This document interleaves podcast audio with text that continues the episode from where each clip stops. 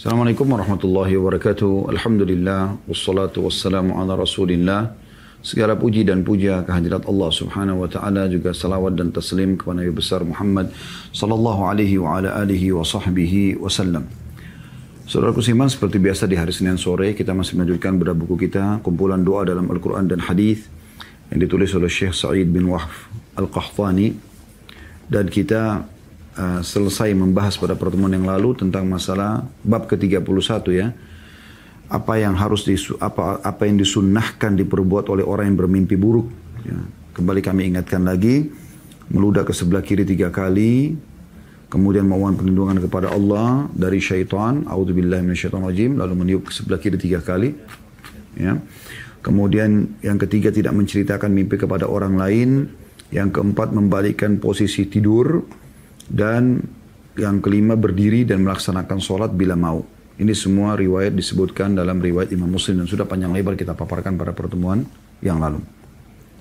Baik kita akan masuk teman-teman sekalian pada kesempatan ini ke bab ke-32 tentang doa kunut untuk witir.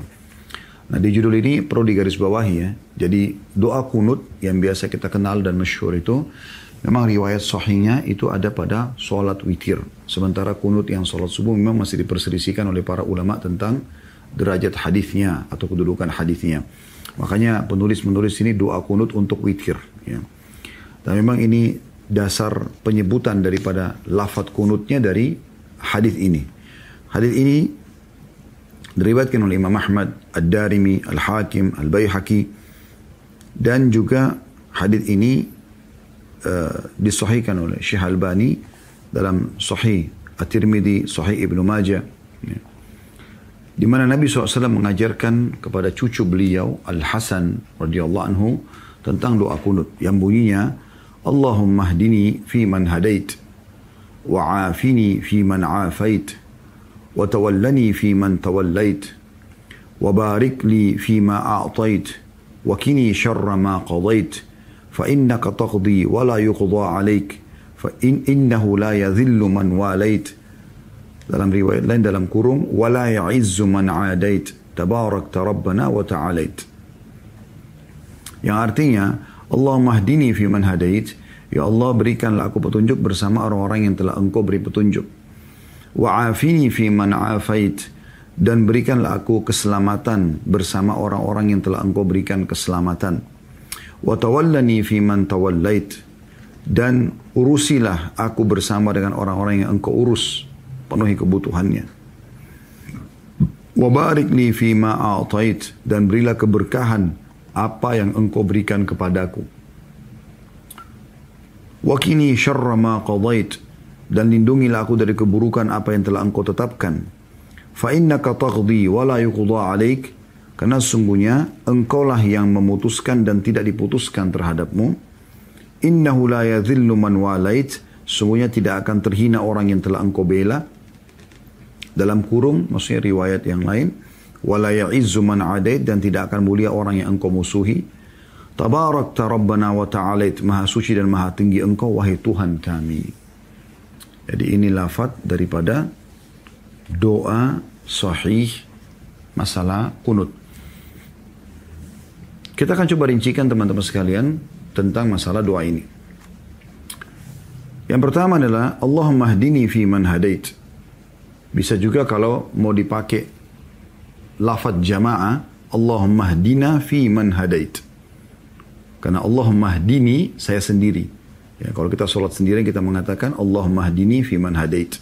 Ya Allah berikanlah aku petunjuk bersama dengan orang yang kau beri petunjuk. Tapi kalau kita sedang ramai-ramai, Anda menjadi imam, Anda baca kunut witir seperti Anda biasa lihat kalau sholat terawih di sholat witirnya di Masjid Haram, Masjid Nabawi. Biasanya imam-imam haram, kedua wilayah haram ini membaca doa kunut ya dan mereka menggunakan lafaz Allahumma hadina fi man hadait. Karena memang rame-rame. Ihdina maksudnya rame-rame, jamak. Nah, di sini dikatakan Allah mahdini fi man hadait. Ya Allah berikanlah aku petunjuk bersama dengan orang yang kau beri petunjuk. Ini potongan pertama dari doa ini yang wajib kita ketahui teman-teman sekalian. Karena memang kalau bukan petunjuk dari Allah sang pencipta, maka pastikan kita tidak akan pernah bisa melakukan apa pun dari kebaikan-kebaikan. Termasuk tidak bisanya kita, teman-teman sekalian, untuk duduk di majelis ilmu seperti ini.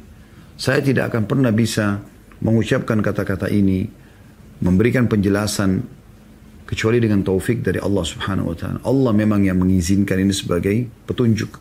Anda juga tidak mungkin tergerak hatinya untuk duduk dan mendengarkan ceramah, ingin mendapatkan manfaat kecuali petunjuk dari Allah Subhanahu wa taala. Tadi sebelum ini kita baru sholat asar. Kalau bukan karena petunjuk dari Allah, Anda akan tidak akan sholat asar. Petunjuk itu kita butuhkan, hidayah kita butuhkan. Dan kita harus meraih hidayah itu. Kita memohon kepada Allah Subhanahu wa taala. Anda bayangkan saking pentingnya kedudukan hidayah ini atau petunjuk sampai dijadikan salah satu ayat Al-Qur'an yang wajib dibaca setiap kali mau sholat dalam surah Al-Fatihah. Ihdina siratal mustaqim. Berikan kami petunjuk, hidayah ke jalan yang lurus. Padahal yang membaca ini umumnya yang sholat adalah orang sudah dapat petunjuk. Tapi kita terus minta agar petunjuk tersebut tidak berubah sampai kita bertemu dengan sang pencipta Allah dalam kondisi kita berada di jalan yang lurus, di jalan yang lurus. Jadi penting memang kita minta. Dan kalau kita baca di sini, ini adalah doa kunut di saat witir. Artinya setiap malam Anda disunnahkan mengerjakan witir. Berarti setiap malam Anda baca ini. Dan potongan pertama minta beri petunjuk. Ya Allah beri kami petunjuk. Petunjuk dalam kebaikan. Dan selamat dari keburukan. Itu butuh petunjuk teman-teman sekalian. Ya, termasuk dalam petunjuk ini adalah tergeraknya hati dengan sangat kuat untuk melaksanakan ibadah. Dan Eh, tergeraknya hati dan sangat kuat untuk meninggalkan dosa. Diikuti dengan rasa ketakutan akan siksa Allah. Nah itu petunjuk semua dari Allah. Allah masukkan dalam hati seseorang sebagai nikmat darinya. Kalau anda rasakan ini, setiap kali anda mau mengerjakan sebuah ibadah, anda sangat semangat dan termotivasi, itu petunjuk dari Allah hidayah. Kalau anda lagi mau kerjakan dosa, lalu anda diikuti dengan rasa takut, hati anda bergetar, anda tidak berani mau melakukannya, Kalaupun mau melangkah rasanya kayak berat sekali, maka itu juga petunjuk dari Allah Subhanahu wa taala. Ya. Kalau Allah tidak berikan petunjuk, maka tidak akan pernah kita mendapatkan hidayah itu. Makanya yang paling pertama kita minta di kunut setiap malamnya, berarti setiap hari Anda baca. Selain daripada dalam surah Al-Fatihah yang juga kita rutin baca dan wajib bahkan di setiap sholat, ya.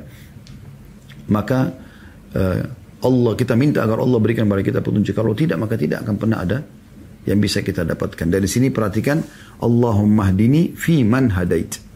Jadi bukan hanya sekitar minta petunjuk biasa tapi minta petunjuk bersama dengan orang-orang yang telah engkau beri petunjuk.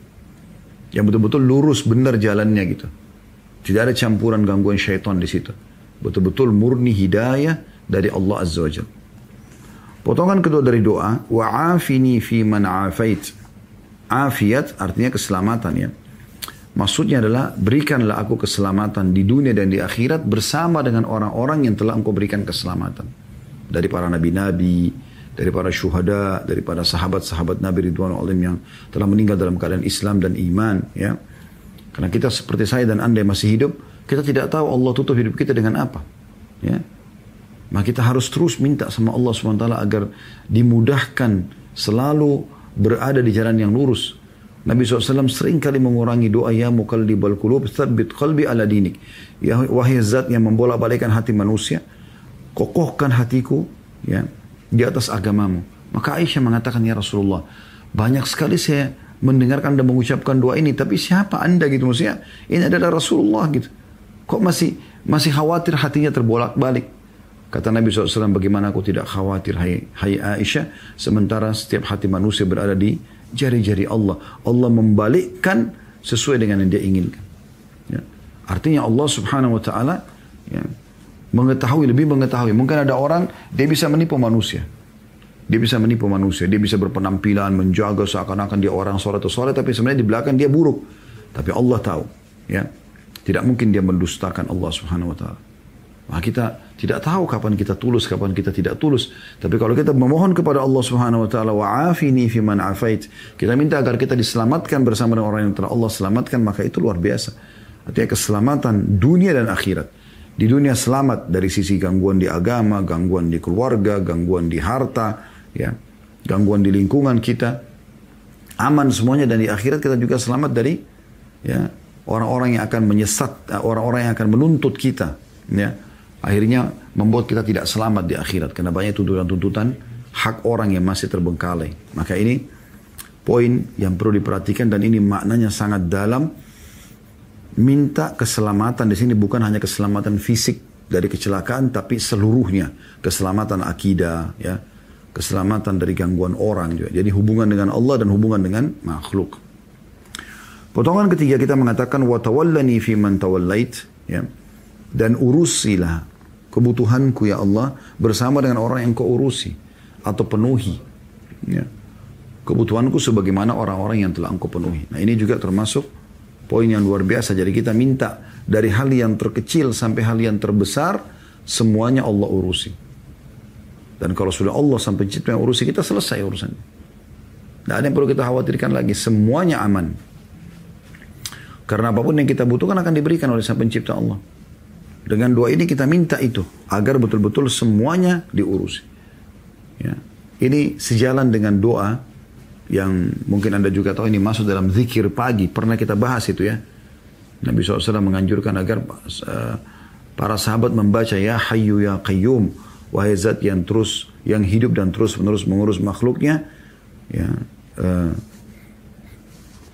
Ya Hayyu ya Qayyum birahmatika astagith dengan rahmat melakukan meminta pertolongan. Aslih li sya'ni kullah. Perbaiki seluruh perkara urusanku wala takilni ila nafsi tarfatain jangan jangan engkau biarkan aku sekejap mata pun mengambil keputusan sendiri jadi kita minta agar apa yang kita ucapkan, apa yang kita lihat, apa yang kita dengar, apa yang kita jama, apa yang kita langkahi dengan kita. Apa yang disentuh oleh kemaluan kita semuanya benar. Semuanya sesuai dengan apa yang Allah Azza wa Jal ridhoi. Gitu. Nah ini yang kita maksudkan dengan minta ya, diurusi. Apa saja. Kita punya masalah dengan pasangan, Allah selesaikan dengan caranya. Kita punya masalah dengan siapa pun, Allah selesaikan dengan caranya. Yang penting kita berada di jalan yang benar. Kalau kita benar, kita istiqomah saja, biasa saja. Allah SWT akan berikan kita solusinya. Tapi kalau kita berada di jalan yang salah, kita tinggal bertobat dan istighfar agar Allah Subhanahu wa taala tidak menghukum kita dengan perbuatan tersebut. Potongan keempat, wabarik di fima dan berkahilah apa pun yang kau berikan kepadaku. Makna berkah menjadikanlah sebagai kecukupan sesuatu yang mencukupi semua kebutuhanku. Misalnya apa pun yang aku berikan dari makanan, walaupun sedikit di mataku, misalnya cukup berkah. Minuman berkah, pakaian berkah, pasangan hidup berkah, anak berkah, semuanya berkah. Makna berkah cukup. Itu makna berkah. Makanya Nabi SAW mengatakan makanan yang diletakkan kalau ikhlas karena Allah untuk dua orang cukup untuk tiga. Ya, karena diberkahi. Makanan untuk tiga orang cukup untuk empat orang dan seterusnya. Ya, karena keberkahannya. Maka itu makna berkah. Dan di sini bayangkan ya sudah empat hal yang bergabung. Minta petunjuk. Kemudian minta keselamatan. Minta diurusi, di, di, diselesaikan segala urusan kita sama Allah. Yang keempat minta supaya diberkahi. Apa pun yang Allah kasih kita selalu merasa cukup. Yang kelima, wakini syarra ma qadait. Dan selamatkanlah aku dari ya, keburukan yang engkau tetapkan. Longsor, banjir, gempa, apalah fitnah-fitnah. Allah bisa timpakan kepada siapa pun. Kita minta diselamatkan dari semua itu. Kalaupun ada sesuatu yang Allah mau takdirkan dan menimpa orang-orang, kita Allah selamatkan. Ya. Dan ini juga permintaan yang mulia agar jangan sampai kita tertimpa halal yang kita tidak senangi. Yang keenam, fa inna ini setelah kita ya, minta empat atau lima hal ini, kita memuji Allah Subhanahu wa taala. Fa innaka taqdi wa la yuqda alaik. Ini potongan yang keenam dari doa ya. Sesungguhnya engkau yang memutuskan dan tidak ada yang bisa memutuskan. Ya. Atau engkau lah yang memutuskan dan tidak diputuskan terhadapmu. Artinya engkau yang penentu. Nggak akan pernah ada yang bisa mengatur Allah Azza wa Tidak mungkin. Jadi kita semua kita ucapkan ini ya Allah karena engkau pemutus. Nggak ada yang bisa putuskan urusan. Nggak ada yang bisa menghakimimu ya Allah. Ya. Yang ketujuh, innahu la yadhillu man walait. Dan kami yakin tidak akan pernah terhina orang yang telah engkau bela. Siapa yang Allah bela, selama Allah bersama anda, walaupun satu dunia ini berusaha untuk mencelakakan anda, tidak akan pernah bisa. Makanya wasiat Nabi SAW kepada seorang sahabat. Beliau mengatakan, Ya gulam, ihfadillah, yahfaduk. Wahai anak kecil, jagalah selalu hubunganmu sama Allah. Allah akan jaga engkau. Ihfadillah tajidhu tujahak. Jagalah hubunganmu sama Allah. Allah akan selalu ada di hadapanmu. Ya. Wa alam Lau anna umma ijtamat ala yaduruka bisyai la yaduruka bisyai illa qad kataballahu lak. Kalau satu umat berkumpul untuk menyusahkanmu, maka tidak akan menimpamu kecuali yang sudah Allah catatkan. Kalaupun sebaliknya mereka mau memberikan kepadamu manfaat dan Allah tidak izinkan, maka tidak akan sampai kepadamu. Kecuali yang sudah Allah tentukan. Telah diangkat pena yang catat takdir dan sudah keringlah buku catatan amal itu. Tidak akan berubah lagi sampai hari kiamat. Jadi memang Allah Azza wa yang penentu gitu. Allah Azza wa kalau sudah membela orang tidak akan pernah hina. Jangan pernah takut selama Allah bersamamu. Jangan pernah khawatir selama Allah masih membuka pintunya untukmu agar menerima tobatmu, mendengarkan hajat-hajatmu. Bahkan Allah subhanahu wa ta'ala sangat suka kalau hambanya manja dengan dia. Dengarkan hadisnya. Dalam riwayat Tirmidzi kata Nabi SAW, Man lam Allah yaghdab alaih. Siapa yang tidak berdoa sama Allah, Allah justru marah padanya. Kalau kita tidak ngerengek, tidak minta, malah Allah marah. Coba bayangkan. Kita mau temukan di mana ada zat yang seperti Allah Azza wa Tidak mungkin. Kalau manusia, sebagaimana seorang penyair Arab mengatakan, jangan kau minta pada manusia yang kalau kau minta, apalagi terus menerus dia akan marah. Tapi mintalah kepada zat Allah yang kalau kau tidak minta, dia justru marah. Coba bayangkan. Dalam hadis yang lain kata Nabi SAW dihasankan oleh para ulama, ya, kalau Allah mendengar ungkapan doa yang indah dari seorang hamba, maka Allah menerlambatkan jawabannya agar dia lebih lama dalam doanya. Jadi bentuk kasih sayang Allah subhanahu wa ta'ala. Ya. Allah kalau sudah bela kita teman-teman sekalian, tidak ada yang perlu dikhawatirkan. Dan Allah mengatur semuanya dengan sangat indah. Kata Allah SWT dalam Al-Quran, Innahum yakiduna kaida wa akidu kaida. Mereka mengatur tipu muslihat, tipu daya, aku yang mengatur tipu muslihat itu kata Allah. Allah punya cara yang luar biasa dan sangat indah. Ujung-ujung terakhirnya manusia yang terbongkar aibnya atau ada masalah masalah yang dilakukan akhirnya dihukum sama Allah. Itu dia cuma mengatakan kok bisa. Ya pasti bisa. Karena Anda sudah berhadapan sama sama pencipta Allah langsung yang Anda zalimi hubungannya sama Allah baik, Anda juga melanggar syariat Allah sang pencipta yang menentukan segala satunya. Ya. Potongan kedelapannya, wala ya'izzu man adait dan tidak akan pernah mulia orang yang engkau musuhi. Jadi lawan daripada tadi potongan yang ketujuh ya. Tidak tadi tadi tidak akan terhina orang yang engkau bela di sini tidak akan mulia orang yang engkau musuhi. Kapan sudah menjadi musuhnya Allah, selesai urusannya. Gak akan pernah ada dihormati oleh manusia. Gak akan punya kedudukan, gak punya segala-galanya. Dan kalau anda melihat sebuah nikmat melimpah pada seorang hamba justru tadarruj. Tahapan siksaan sebagaimana sabda Nabi SAW. Kalau engkau melihat puncak nikmat seorang hamba pada nikmat Allah pada seorang hamba sementara dia bermaksiat maka ketahui itu tahapan siksaan. Allah sudah tahu orang-orang ini Percuma aja. Mau dinasihatin apa pun tidak mau dengar. Gitu. Tidak mau dengar.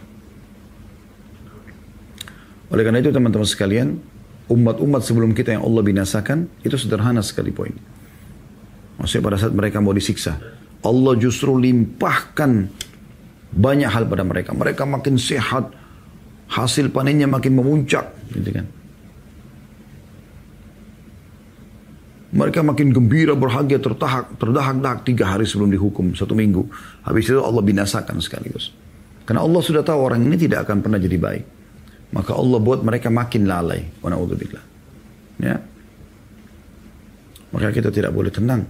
Baginda Nabi SAW pun kalau lihat mendung, beliau gelisah lula lalang. Sampai beliau pastikan hujan turun. Gerimis, eh dah, hujan. Berarti sudah benar rahmat Allah.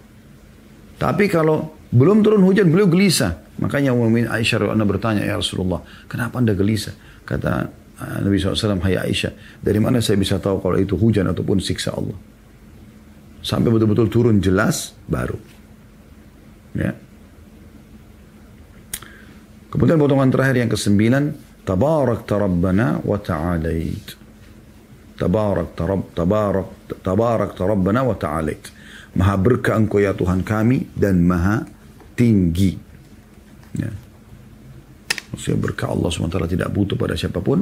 Dan juga Allah itu maha tinggi kan ada di langit sana. Potongan yang lain yang dibaca oleh Nabi Wasallam di saat kunut ya, selepas kunut. Doa dasarnya kunut tadi itu. Nah ada beberapa tambahan-tambahan doa dari Nabi Wasallam berhubungan dengan yang dihubungkan sama kunut tadi ya. Walaupun anda pada saat baca tadi sampai yang terakhir kita bilang tabarak rabbana wa ta'ala itu sudah cukup. Tapi kalau anda mau tambahkan doa-doa setelah itu boleh. Nah di antara doa yang dibaca oleh Nabi SAW adalah di lembaran 112-nya ya. Hadis ini diriwayatkan oleh Imam Ahmad, Tirmidzi, Ibnu Majah dan ini hadisnya sahih. Nabi SAW membaca di witir beliau atau di kunut beliau setelah membaca doa kunut tadi, Allahumma inni a'udhu biridhaka min sakhatik wa bimu'afatika min uqubatik wa a'udhu bika minka la uhsi thana'an 'alayka anta kama athnayta 'ala nafsik. Yang artinya ya Allah, Allahumma inni a'udhu biridhaka min sakhatik. Aku berlindung kepada keridoanmu dari kemurkahanmu. Bimu'afatika min uqubatik dan dari pemaafanmu dari siksamu. Wa'udhu bika minka dan aku berlindung kepadamu darimu. Ya. La uhsi thana'an alaika anta kama athnaita ala nafsik. Aku tidak mampu menghitung pujian dan sanjungan kepadamu. Engkau adalah sebagaimana yang engkau sanjungkan terhadap dirimu sendiri. Doa ini teman-teman mengandung juga makna yang luar biasa. Ya. Ada tiga hal yang kita minta di sini dari Allah Subhanahu Wa Taala. Yang pertama, Allahumma inni a'udhu biridhaka min sakhtik. Ya Allah, aku berlindung ya, kepada keridoanmu dari kemurkahanmu. Maksudnya, kalaupun aku berbuat salah ya Allah, maka ridolah ya Allah. Keridoanmu yang aku dahulukan. Mungkin aku pernah berbuat amal-amal soleh yang kusukai ya Allah. Maka ridhomu itulah semoga aku berharap bisa meredam murkahmu. Karena kalau Allah Allah Azza Jalla kalau sudah murka pada seseorang ya, dan dia tidak punya sesuatu yang bisa meridhokan Allah maka dia akan ditimpa siksaan tersebut dan kalau siksaan Allah luar biasa Allah mengatakan alimun syadid menyakitkan dan keras ya.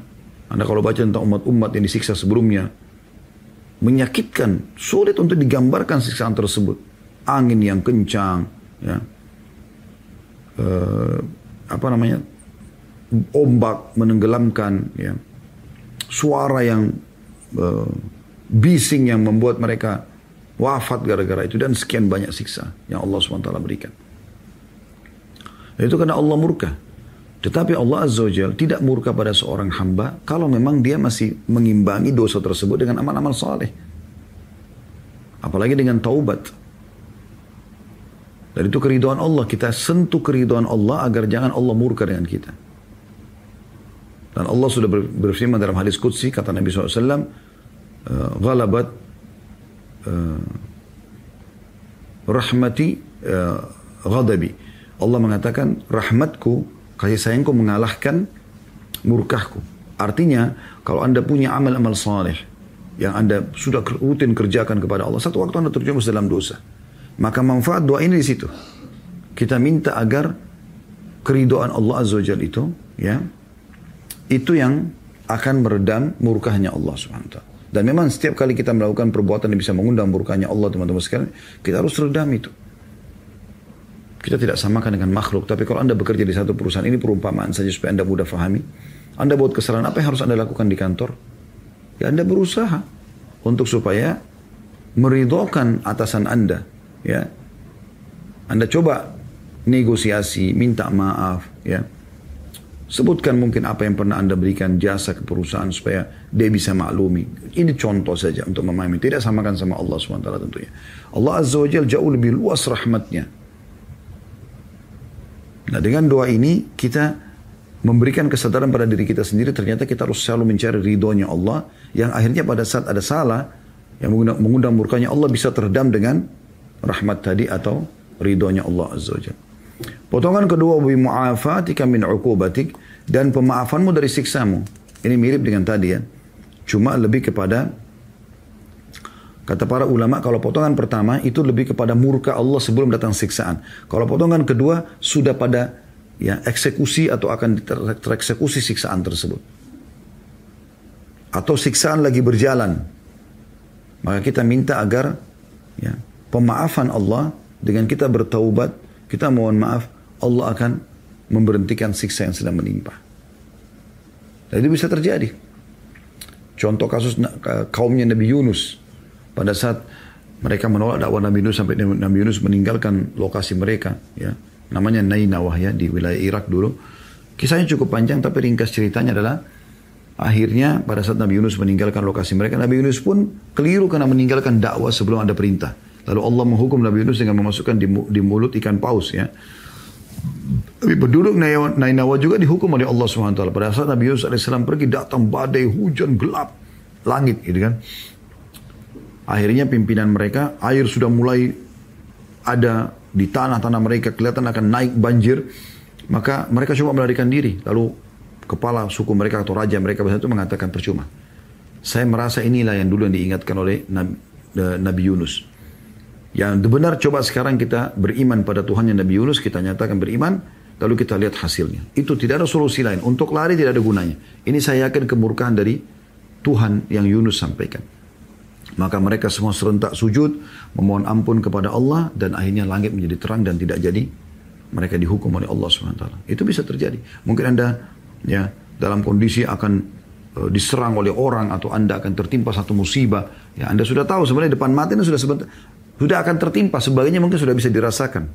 Termasuk penyakit segala macam. Anda bisa. Dengan doa ini, Anda minta agar Allah Azza wa memaafkan. Jangan dilanjutin ini siksaannya. Potongan ketiga, wa'udhu bika minka. Dan aku berlindung ya kepadamu darimu. Maksudnya bukan Allah buruk di sini. Tapi apa pun ya yang belum tersebutkan dalam dua doa ini, ya Allah, kalau ada sesuatu yang memang belum aku sentuh karena kebodohanku, karena dangkalnya ilmuku, maka aku minta, aku berlindung semua itu. Dengan caramu ya Allah, itu maknanya. Lalu kita masukkan dengan puji-pujian kepada Allah, la ukhsi thana'an alaika anta kama athnaita ala nafsik. Dan aku, kalaupun untuk mencapai apa kau minta ini butuh memujimu ya Allah, aku tidak tahu harus puji engkau seperti apa. Tapi aku kembalikan agar pujianku itu, sanjunganku itu sebagaimana engkau memuji dirimu sendiri. Udah, bagaimana engkau inginkan ya Allah aku ikut saja. Nah itu maknanya. Kemudian di antara doa juga yang dibaca Nabi SAW di saat witir, yang disebutkan oleh Al-Bayhaq dalam Sunan Al-Kubra, dan beliau mensahihkan riwayat ini, ya. Syekh Albani juga mensahihkan ini. Hanya saya Syekh Albani mengatakan ini mauquf kepada Umar bin Khattab. Maksudnya mauquf itu hanya sampai pada Umar, tidak sampai kepada Nabi Shallallahu Alaihi Wasallam. Tapi umumnya sahabat mengambil dari Nabi alaihi salatu wassalam.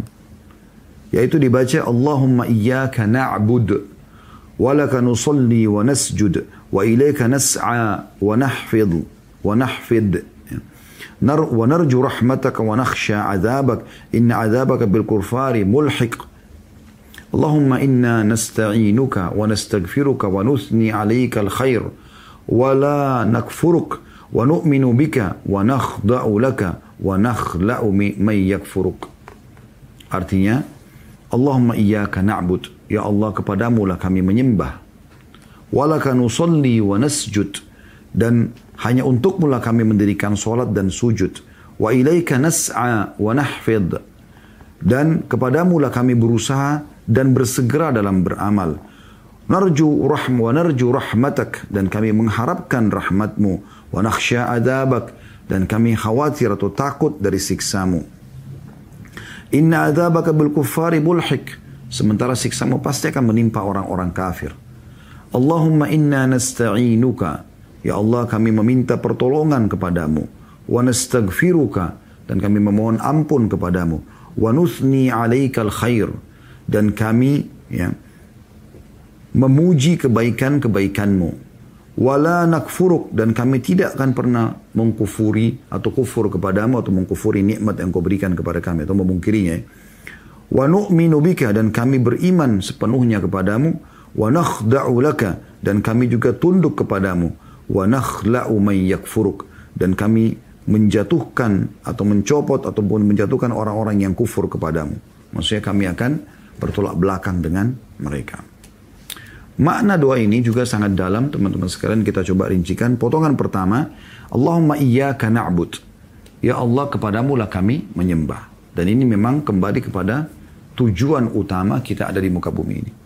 Saya kembali mengingatkan diri saya dan teman-teman sekalian yang mengikuti acara kita ini, baik live ataupun siaran ulang, sadarilah tujuan kita ada di sini.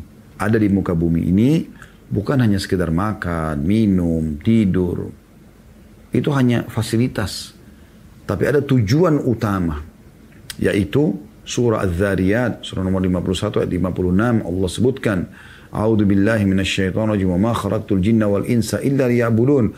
Aku enggak ciptakan jin dan manusia kecuali untuk beribadah kepadaku.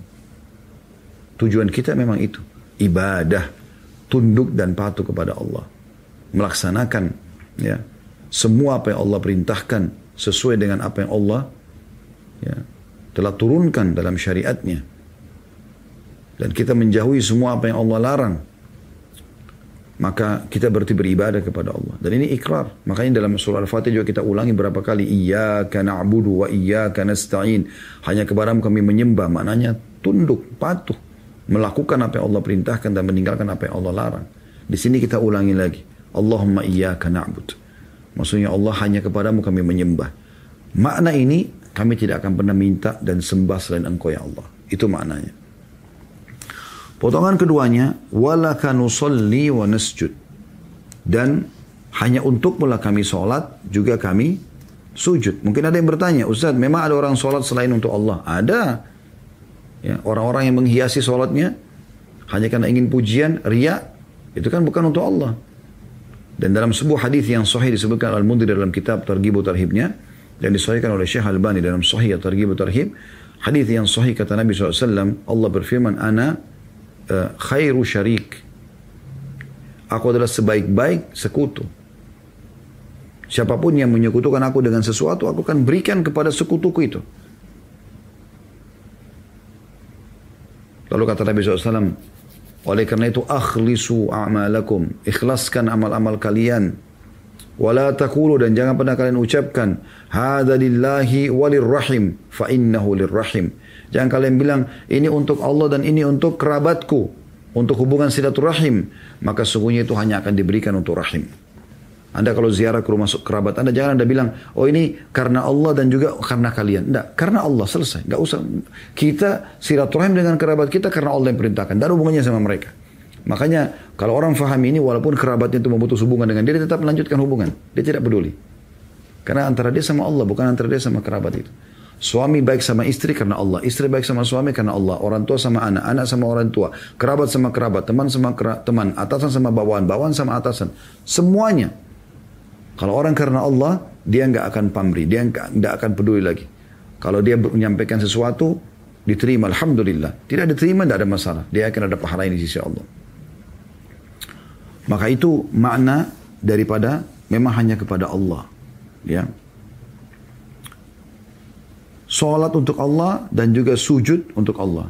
Kalau Anda bertanya juga, lalu apa bedanya Ustaz? Kan memang kalau salat itu juga ada sujudnya. Iya, memang ada sujud selain selain salat seperti sujud syukur, sujud tilawah, ya. Maka semua itu kita kerjakan karena Allah Azza wa Jalla. Dalam riwayat ini juga ada yang menarik sebuah riwayat ada seorang sahabat mengatakan ya Rasulullah apa yang akan didapatkan oleh seseorang yang berjihad dia lakukan karena Allah sekaligus juga untuk reputasinya untuk nama baiknya. Kata Nabi SAW la syai'lahu tidak ada apa-apa yang didapatkan. Orang itu ulangi sampai tiga kali. Kata Nabi SAW tidak dapat apa-apa. Inna Allah la amalan illa makana khalisan wa bihi wajhu. Allah tidak akan terima amal kecuali yang ikhlas dan mengharapkan wajahnya saja Potongan ketiga, wa ilaika nas'a wa nahfid. Dan hanya kepadamu pula kami berusaha dan bergerak, bersegera dalam beramal. Artinya semua energi kami, potensi kami, waktu kami, semua kami gunakan untukmu ya Allah. Nama itu harus dilakukan orang yang beriman. Tidak ada sama sekali waktu, ya, tempat, ya, kondisi kecuali digunakan untuk ibadah kepada Allah. Tidak ada kemaksiatan dalamnya. Semuanya kepatuhan kepada Allah.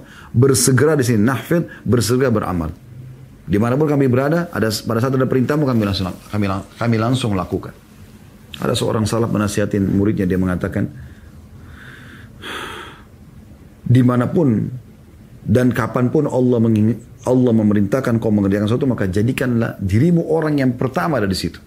Misalnya azan sholat. Udah anda menjadi orang yang pertama menjawab azan tersebut. Paling pertama berada di masjid. Paling pertama ada di sejadah anda. Allah perintahkan sedekah paling pertama anda lakukan. Allah perintahkan zakat anda lakukan.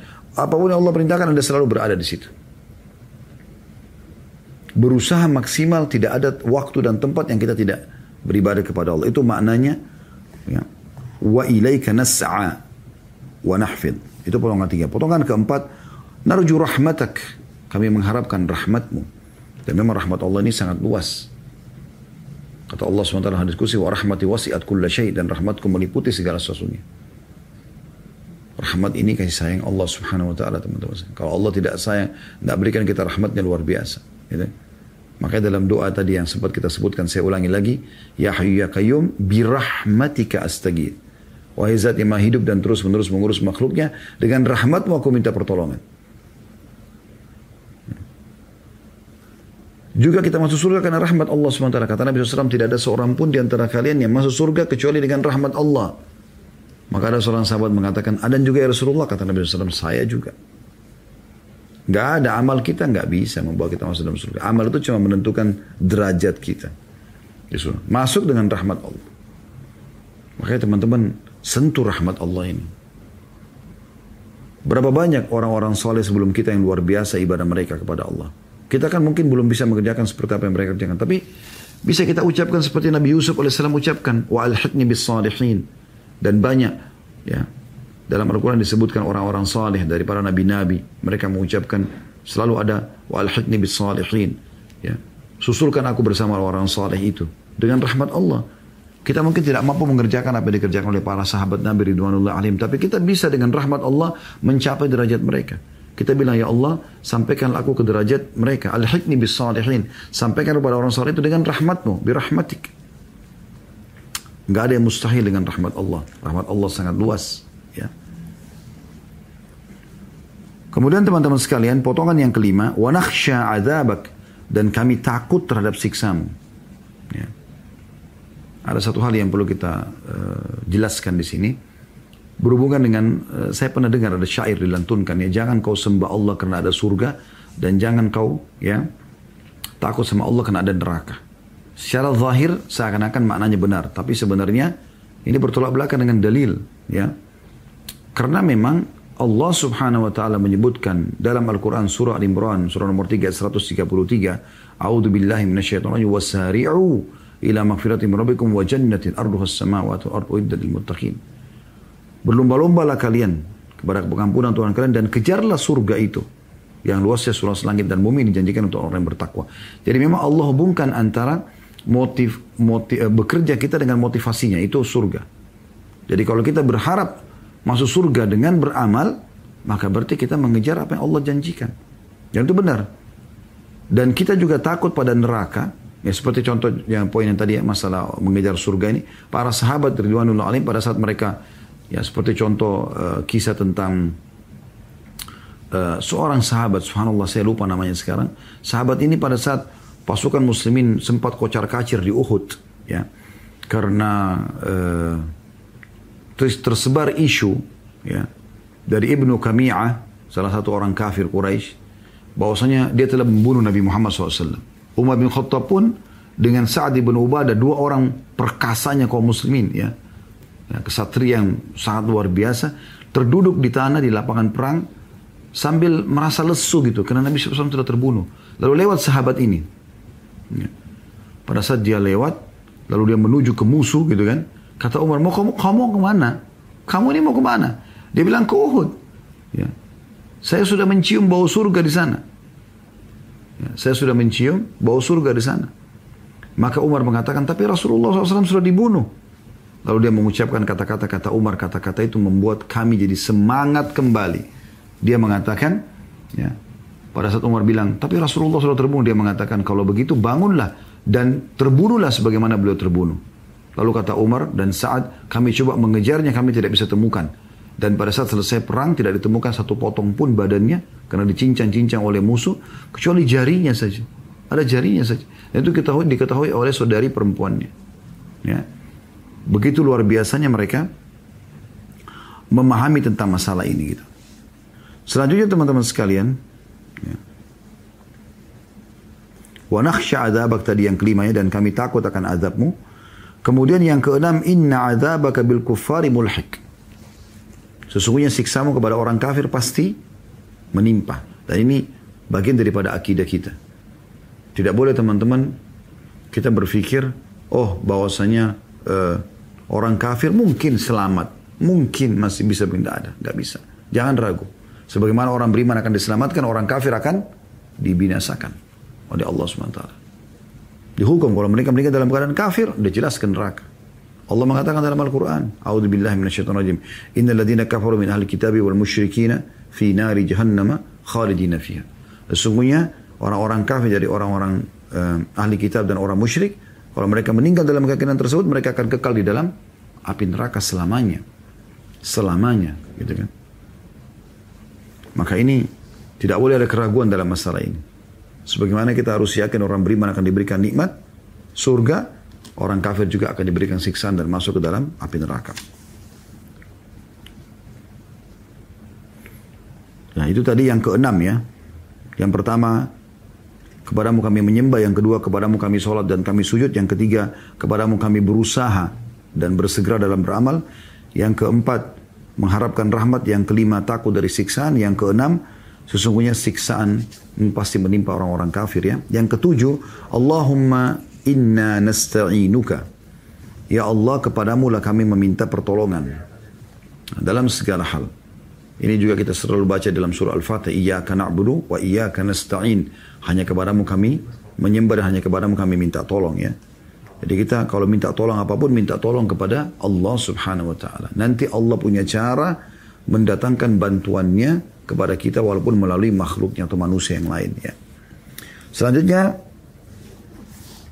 yang kedelapan ya, wa nastaghfiruka dan kami memohon ampun kepadamu. Ini juga bagian daripada syariat dan sudah sering kita ucapkan ya atau jelaskan tentang masalah keutamaan istighfar. Nah, intinya Ali bin Abi Thalib mengatakan, e, saya heran melihat ada kaum yang dibinasakan sementara pada mereka ada keselamatan. Maka kata para orang-orang di sekitarnya, apa yang anda maksudkan keselamatan itu apa? Kata Ali, istighfar. Ya. Ada seorang salaf lain yang mengatakan, sesungguhnya Allah telah menyampaikan kepada kalian tentang penyakit kalian, permasalahan kalian, dan Allah juga sudah sebutkan obatnya. Maka pada saat ditanya kepada beliau, beliau mengatakan, penyakit kalian adalah dosa dan obatnya adalah istighfar. Sebagian salaf mengatakan, siapa yang mendapatkan nanti di hari kiamat di setiap dua baris dari buku amalnya istighfar, maka dia akan bahagia. Sebagian mereka juga mengatakan tidak ada yang lebih disenangi oleh seseorang di kuburannya nanti dibandingkan istighfarnya. Karena ini istighfar akan memaafkan kesalahan-kesalahan kita yang lalu. Yang kesembilan, wanuthni alaikal khair. Dan kami memuji kebaikanmu. Ini syukur memuji kebaikan Allah Subhanahu wa taala. Banyak manusia subhanallah ingkar kepada Allah hanya karena mungkin satu atau dua hajat dia belum Allah penuhi. Tapi dia lupa. Tiap hari dia lapar, dia cuma bilang lapar, tiba-tiba ada muncul idenya mau makan apa, dia punya rezeki, punya duit, lalu dia bisa makan yang dia inginkan. Berapa kali dan ber, bertahun-tahun ya Allah berikan kita makanan yang kita sukai. Minuman yang kita sukai, pakaian yang kita sukai, kita bisa istirahat malam, kita bisa mengejar prestasi-prestasi banyak. Mungkin satu dua yang Allah belum kabulkan. Itu pun karena pertimbangan Allah subhanahu wa ta'ala sebagai pencipta lebih tahu. Ya, justru kalau Allah cinta pada seorang hamba, Allah tidak memberikan apa yang dia minta kalau itu berbahaya buat dia. Mirip dengan kata Ibnu Qayyim rahimahullah, anak-anak kalau minta sama orang tuanya. Ya. Kalau ada anak-anak minta, ayah, ibu saya mau berteman sama si fulan misalnya. Kita tahu sebagai orang tua, temannya anak kita ini buruk. Walaupun dia merengek-merengek, tidak tidak tidak tidak akan kita izinkan. Dan itu bentuk sayang kita. Allah Azza wa Jal sayang kepada kita. Ada yang kalau ada yang anda minta Allah belum kasih berarti memang itu berbahaya buat anda Allah lebih tahu. Seperti orang minta menikah sama fulan dan Allah belum kabulkan atau minta menikah sama fulana atau minta supaya kerja atau dapat proyek ini Allah belum kasih. Itu pasti baik buat dia. Dan kita sesuai dengan prasangka kita kepada Allah. Kata Nabi SAW, Allah berfirman, Ana inda dhanni abdi bih. Ya. Aku sesuai dengan prasangkaan hambaku. Kalau dia selalu saja bersangka baik dengan Allah, maka itu berarti dia memuji Allah Azza wa Jalla, memuji kebaikan Allah. Allah lebih tahu. Walaupun itu buruk buat kita, dipandang kita misalnya kita sakit, tapi Allah lebih tahu kenapa Allah berikan cobaan tersebut. Selanjutnya, ya, ini yang kesembilan ya. Masalah menyembah yang pertama, sholat dan sujud yang kedua, bekerja dan berusaha yang ketiga, mengharapkan rahmat yang keempat, takut dari siksa yang kelima, yang keenam keyakinan akidah tentang siksaan pasti akan menimpa orang kafir, yang ketujuh kepada Allah kita minta tolong, kedelapan kita memohon ampun, yang kesembilan kita memuji Allah subhanahu wa ta'ala atau kita memuji kebaikan Allah. Yang kesepuluh wala nakfuruk dan kami memastikan kami tidak akan kufur kepadamu. Nah, karena ini bagian daripada doa, berarti walaupun di sini kita mengatakan kami tidak ber, uh, kufur kepadamu, maknanya adalah bisa bermakna juga ya Allah jangan sampai engkau membuat kami kufur kepadamu. Karena ini bagian daripada doa. Dan ini sesuatu yang luar biasa. Kekufuran ini penghancur segala-galanya. Dipastikan di dunia dan di akhirat dia akan menderita. Jauhi semua jenis kekufuran teman-teman sekalian. Baik itu mulai dari kufur nikmat, ya, yang Allah berikan tidak mau bersyukur, sampai pada kufur akidah, ya, keluar daripada jalur agama Allah subhanahu wa ta'ala wa na'udzubillah. Ya. Karena tidak ada orang kafir kecuali akan disiksa oleh Allah. Sudah kita bacakan tadi dalam surah Al-Bayyinah ya. Jadi jangan pernah berterpengaruh dengan perkataan sebagian orang yang mengatakan semua agama sama kok, semuanya bisa masuk ke surga. Ini ngawur ini, jelas-jelas ngawur. Kalau semua agama sama, kita cari agama yang paling mudah aja. Gak usah Islam, karena Islam ada sholat lima waktu, ada puasa Ramadan, ada zakat, ada haji, ada jihad. Banyak peraturannya. Tapi Allah mengatakan, Inna dina inda Allahil Islam. Agama di sisi Allah hanya Islam saja. Ya. Kemudian yang ke-11, wala wa nu'minu bika. Dan kami beriman kepadamu. Jadi lawan daripada apa yang kita sampaikan tadi. Kami tidak kufur tapi kami beriman, gitu kan? Ini sejalan maknanya. Hanya saja tadi yang pertama, wala nakfuruk artinya kita minta, ya Allah, selain kita mengatakan saya tidak kufur kepadamu dan saya juga mohon kepadamu jangan sampai aku masuk dalam kekufuran itu. Wa nu'minu bika sama maknanya. Kami beriman kepadamu ya Allah dan aku juga mohon agar engkau mempertahankan itu di atas keimanan ini. Yang kedua belas, wa nakhda'u laka. Dan kami tunduk kepadamu. Apa pun yang kau berikan peraturan ya Allah kami tunduk, kami dengar. Ya. Dan yang terakhir, ya, yang kedua belas, wa nakhla'u may yakfuruk. Dan kami berlepas diri atau mencopot atau menjatuhkan atau memusuhi semua orang yang kufur kepadamu. Tapi di sini yang perlu kita garis bawahi adalah kita membenci kekufuran mereka, bukan fisik ya. Semua orang yang sedang melakukan kesalahan yang kita benci adalah kesalahan mereka, bukan fisiknya. Ya. Makanya kalau ada orang kafir, walaupun dia perangi kaum muslimin, tapi di saat dia ya, masuk Islam, selesai. Umar bin Khattab pada saat masuk Islam, udah, dia tinggal dilihat sekarangnya, tidak dilihat lagi masa lalunya, walaupun dulu dia membenci kaum muslimin. Ya. Itu juga orang yang berzina, orang yang berbohong, orang yang menipu, orang yang buat kejahatan. Kalau dia sudah taubat dari dosanya, udah. Ya. Nabi SAW sangat gembira dengan orang-orang yang tobat. Allah Azza gembira dengan orang yang bertobat. Sampai kata Nabi SAW, Allah sangat gembira dengan taubat hambanya. Lebih gembira daripada seseorang dari kalian yang pergi ke padang pasir yang tidak bertuan. Dia bawa semua bekalnya di atas untanya. Kemudian dia tidur di bawah sebuah pohon. Pada saat dia bangun, untanya hilang dengan semua bekalnya. Maka dia pun keliling-keliling untuk mencari. Pada saat dia sudah putus asa, udah nggak mungkin lagi menemukannya. Dia bilang, saya kembali ke pohon yang awal saya tidur. Saya tidur, semoga saya bangun dalam kondisi sudah meninggal dunia. Eh, saya sudah tidak bangun lagi lah, saya sudah meninggal gitu. Maka pada saat dia tertidur di pohon, pohon itu, dia buka matanya yang kedua kali, untanya ada di hadapan matanya. Bagaimana gembiranya dia? Allah Azza wa lebih gembira daripada itu dengan taubat hambanya. Allah mau kita selamat. Ya. Kata Ali radhiyallahu anhu, Allah tidak akan mengizinkan lisan seorang hamba beristighfar kecuali Allah da, da, eh, Allah tidak izinkan lisan seorang hamba beristighfar sementara Allah akan menghukumnya. Artinya pasti Allah akan maafkan dia asal dia tulus dalam mengucapkan itu. Kita tutup teman-teman sekalian dengan bab ke-33. Karena ini berhubungan dengan bahasan kita. Yaitu zikir setelah salam sholat witir. Jadi sama ada zikir, ada zikir habis sholat fardu, ini juga ada zikir habis sholat ya witir. Ada dua riwayat ya. Atau ada ada ada satu riwayat di sini diriwayatkan oleh An-Nasai dan juga Darul Qutni yaitu membaca Subhanal Malikil Quddus. Maha suci Allah, Maha Raja yang kudus. Ya. Tiga kali. Ini maksud dengan kudus adalah suci dari semua kekurangan. Ya. Maha suci, Raja yang Maha Kudus. Ya. Sempurna, selamat dari segala macam kekurangan. Dan pada kali yang ketiga, Nabi SAW membacanya dengan suara terdengar jelas dan beliau memanjangkan suara beliau lalu menutupnya dengan mengucapkan Rabbil malaikati war ruh. Tuhannya para malaikat dan juga malaikat Jibril. Subuhun sub, subhanal malikil kudus subhanal malikil kudus subhanal malikil kudus rabbil malaikati war ruh.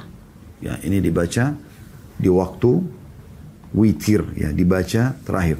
Dan ini memang uh, maknanya adalah bagaimana seseorang meyakini dan seorang mukmin dianjurkan selalu mengucapkan supaya muncul keyakinan dalam hatinya kalau Allah itu maha suci dari semua kekurangan.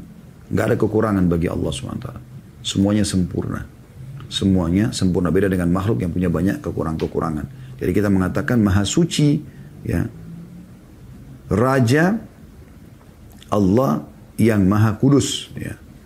Tuhannya seluruh malaikat dan juga ruh atau Jibril alaihi salatu wassalam. Ya. Sampai sini bahasan kita insya Allah dan kita akan nanti masuk di hari akan datang di bab ke-34 masalah doa penawar duka dan kesedihan.